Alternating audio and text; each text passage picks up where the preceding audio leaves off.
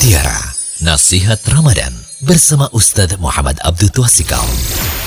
Bismillahirrahmanirrahim. Assalamualaikum warahmatullahi wabarakatuh. Alhamdulillah wassalatu wassalamu ala Rasulillah wa ala alihi wa man tabi'ahum bi ihsan ila yaumiddin. Allahumma inna nas'aluka ilman nafi'a wa rizqan thayyiba wa amalan mutaqabbala. Puji syukur kita panjatkan pada Allah. Salawat dan salam. Mugi-mugi tercurah pada Nabi besar, Nabi agung Nabi kita Muhammad Sallallahu alaihi wasallam. Pada kesempatan ini kita kembali melanjutkan kajian Ramadan Memperbagus bacaan Al-Quran. Imam Nawawi dalam Riyadus Solihin membawakan judul bab Sunnahnya memperindah suara ketika membaca Al-Quran dan meminta orang lain membacanya karena suaranya yang indah dan mendengarkannya. Dari Abu Hurairah radhiyallahu anhu ia berkata, aku mendengar Rasulullah sallallahu alaihi wasallam bersabda, "Ma'azinallahu li syai'in ma'azina lin nabi ayatagon nabil Qur'an." Allah tidak pernah mendengarkan sesuatu seperti mendengarkan nabi yang indah suaranya melanturkan Al-Qur'an dan mengeraskannya. Jadi Nabi itu kalau baca Al-Quran suaranya itu bagus. Dari Abu Musa al Ashari radhiyallahu anhu, sesungguhnya Rasulullah Shallallahu alaihi wasallam bersabda kepadanya, "Ya Abu Musa, laqad utita mismaran min mazamiri ali Dauda." Wahai Abu Musa, sungguh engkau telah diberi salah satu seruling keluarga Daud. Artinya telah dianugerahi suara yang indah ketika membaca Al-Quran. Ini hadis riwayat Bukhari dan Muslim. Sedangkan dalam riwayat Muslim disebutkan sesungguhnya Rasulullah Shallallahu Alaihi Wasallam berkata kepada Abu Musa, "Lau ra'aitani wa ana astami'u li qira'atika al-bariha laqad utita mismaron min mazamiri ali Dauda." Seandainya engkau melihatku ketika aku mendengarkan bacaan Al-Qur'anmu tadi malam, sungguh engkau telah diberi salah satu seruling keluarga Daud. Artinya suara Abu Musa bagus ketika membaca Al-Quran. Kemudian dari Al-Barra bin Azib ia berkata, "Sami itu Nabi sallallahu alaihi wasallam yaqra'u watini wa zaitun fil isya'i wa ma itu ahadan ahsana sautan minhu au qira'atan." Aku pernah mendengar Rasulullah sallallahu alaihi wasallam membaca dalam surat Isya, surat At-Tin maka aku belum pernah mendengar suara yang paling indah daripada beliau atau yang paling bagus bacaannya dibandingkan beliau. Hadis riwayat Bukhari dan Muslim. Terus dari Abu Lubabah Bashir bin Abdul Muntir, sesungguhnya Nabi Shallallahu alaihi wasallam bersabda, "Laisa minna man lam yataghanna bil Qur'an."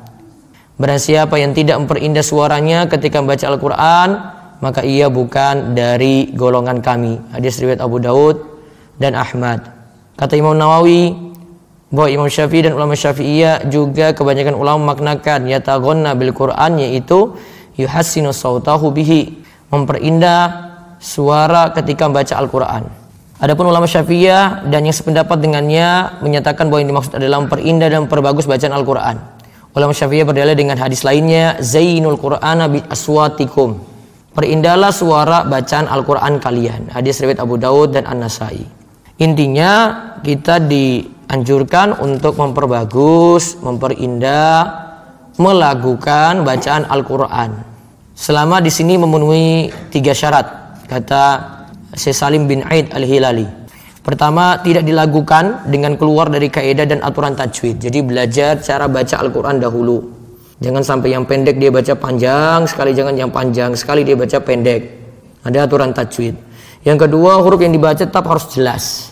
Ain dibaca ain, ta dibaca ta, sa dibaca sa gitu. Harus dibaca jelas sesuai dengan yang diperintahkan. Tidak boleh, yang ketiga tidak boleh serupa dengan lagu-lagu yang biasa dinyanyikan. Jadi murni dia baca seperti uh, baca Al-Qur'an memperindahnya dengan memperindah yang dia itu mampu tidak sesuaikan dengan nada-nada musik. Terus juga telah jelaskan oleh Ibnu Qayyim bahwa melakukan Al-Quran itu ada dua macam. Pertama, irama yang mengikuti tabiat asli manusia tanpa memberat-beratkan. Ya, belajar atau berlatih khusus, dia tidak perlu belajar atau berlatih khusus. Nah, melakukan Al-Quran semacam ini diperbolehkan. Namun ada yang kedua, irama yang dibuat-buat, bukan dari tabiat asli, diperoleh dengan memberat-beratkan diri, dibuat-buat dan dibutuhkan latihan sebagaimana para penyanyi butuh berlatih dulu sehingga mahir dalam mendendangkan lagu. Nah, melakukan semacam ini dibenci oleh para ulama salaf. Mereka mencela dan melarangnya. Yang jelas para ulama salaf dahulu mengingkari cara membaca Al-Qur'an dengan dibuat-buat seperti itu. Jadi baca seperti biasa. Ya, yang penting bagus ketika membaca, aturan bacanya jelas, Kemudian huruf-huruf yang keluar juga jelas. Wallahu alam bisawab. Jadi ini di antara adab membaca Al-Quran. Kesimpulannya ada sembilan ditambah dengan pertemuan kali ini. Yang terakhir kemarin khusyuk dan tadabbur ketika membaca Al-Quran.